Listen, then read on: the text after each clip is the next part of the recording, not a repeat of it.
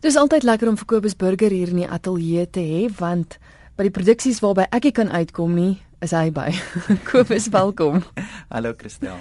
Jy het Venus in Fur gaan kyk by Monte Cassino, die studio teater. Ja.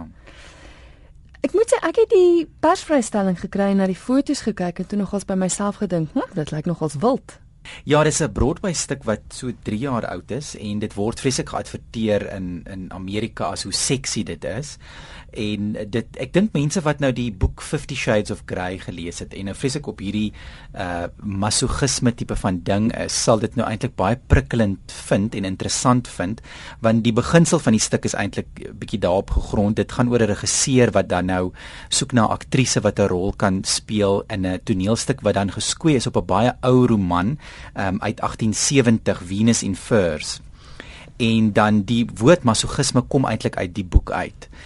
So hy's nou dringend op soek na hierdie aktrise en dan daag 'n aktrise op wat eintlik nie op sy lys was nie nadat hy nou eintlik al klaar gemaak het en sy sê maar sy's nou reg vir die rol.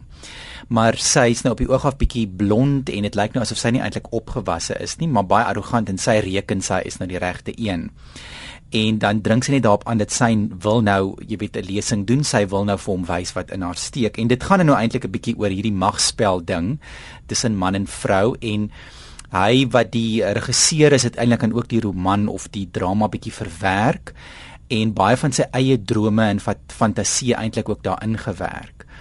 So hy, jy weet, hy soek amper eintlik ook nou 'n vrou wat hom kan domineer. En ja, dit raak dan eintlik baie donkerder die stuk en dit is ook so 'n spel tussen man en vrou. Jy wie wie's in beheer? Die regisseur is natuurlik nou in beheer en sy is nou net hierdie blonde vroutjie wat nou of aktrise wat nou eintlik maar net uh, vinnig gou die audisie moet doen, maar die rol, dis so kat en muis speletjie. Die rolle word dan baie omgeruil op 'n stadium. En daar's ook so 'n spel met mitologie of die die gode Venus wat dan nou die godin van liefde en en skoonheid is en dat hy amper nou hy wil nou hierdie Venus eintlik ervaar. Hy wil vir Venus op die verhoog sien, Venus in 'n pelsjas, Venus in 'n nertsjas en so. En dan draai dit eintlik 'n bietjie teen hom want sy sê ook maar besef jy eintlik wat jy soek, besef jy eintlik jy weet ehm um, wat jy regtig van droom en so en uh, natuurlik moet hy dan nou die manlike rol in die, in die teks speel so hulle jy weet dit is 'n soort van 'n toneelstuk binne 'n toneelstuk mm en baie interessante goed wat gebeur.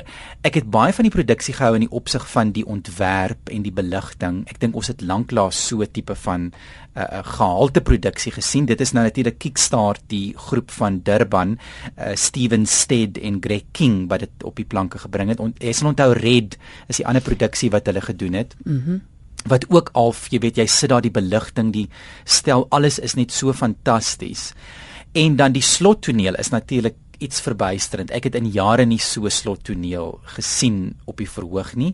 En ek dink mense wil nou nie eintlik vir mense vertel wat aan mm. die einde gebeur nie, maar ek dink dit alleen maak dit vir my die moeite werd. Daar's ook ander kleiner tonele wat my regtig uitgebou het en ek dink dis 'n regtig waar 'n gehalte produksie. Dit wil nogals gedoen wees veral in so 'n klein ruimte want die studio teater se verhoog is nie enorm groot nie. Dis eintlik die tipe verhoog vir 'n solo vertoning. Mm. So ek was verbaas met die stel, die stelontwerp wat hulle op daai klein verhoogie gedoen het. Want ek bedoel 'n mens kan 'n klein musiekvertoningkie of 'n klein uh, jy weet ehm um, jy weet baie van die grapjasse kan eintlik daar optree en skerp skerts doen, daai tipe van ding. Maar ek was verstom wat hulle binne daai klein verhoogie gedoen het. En dan Neil Coppen speel die manlike hoofrol. Ek dink baie mense sal hom onthou vir Abnormal Loads en Tree Boy. Hy's ook 'n regisseur en dan natuurlik 'n verhoogskrywer. Hy speel die ehm um, regisseur uh, Thomas Novacek en dan Jana Ramos Violante wat in verskeie ander van Kickstarter se produksies gespeel het. Sy speel die vrou sy het my regtig ook uitgebal met haar vertolking. Dit is maar problematies die New Yorkse of Amerikaanse aksent wat hulle nou nie altyd kan volhou nie. Eh, ek dink baie keer met 'n mens eintlik maar nie so baie energie in die in die aksent sit nie. Mm. en eerder dit maar los maar wel hulle probeer nou om dit te doen en dit ja dit dit gaan 'n bietjie later maar dit is nie iets groots wat 'n mens nou eintlik sal sê die produksie kelder nie Het dit 'n uh, ouderdomsbeperking? Is daar met tye wat mens effe blou is? Ja, die die ouderdomsbeperking is 16. Daar's nie daar's nie grafiese, jy weet, seksuele uitbeelding nie, maar dit het seksuele inhoud. En ja, so 'n bietjie die dominasie spel, maar ek ja, ek sal sê 15, 16 jaar. Ehm um, en dan nou 'n paar, jy weet, paar vloekwoorde en so. Maar dit is nie dit is nie skokkend en dit, dit is ja, soos hulle nou in Amerika gesê het, baie sexy, one of the sexiest shows on Broadway of wat ook al. So dit het daai tipe van ding, maar ook dan ek dink die waarskuwing daarin is ek dink hierdie mense wat gefassineer is deur masochisme of dan 50 Shades of Grey wat dit amper romantiseer. Mm. En ek dink David Ives wat die teks of die drama geskryf het, het eintlik probeer wys jy moet besop eintlik waarmee jy speel. Jy romantiseer hierdie ding van masochisme of rolspel of ehm um, die sogenaamde S&M wat mense nou in Engels van praat en jy dink dit is 'n dit is 'n prettige speletjie, maar besop hy, dit is soos half om in die leeu se bal te speel. Jy weet jy speel met iets gevaarlik en ek dink dit is die boodskap van die teks op die ou einde wat uitkom is dat ehm um, wees maar versigtig om daardie fantasie van jou so grafies te wil uitleef. Is die titel Venus in Furs of Fur? Venus in Fur en dan die, dit is gaan geskoei op hierdie roman uh, Venus in Furs. Goed. So die groot deel van die toneelstuk is eintlik wat hulle dan dele uit Venus in Furs doen wat 'n uh, wat 'n baie ou roman is. En jy reken 'n produksie wat elke teaterganger moet sien.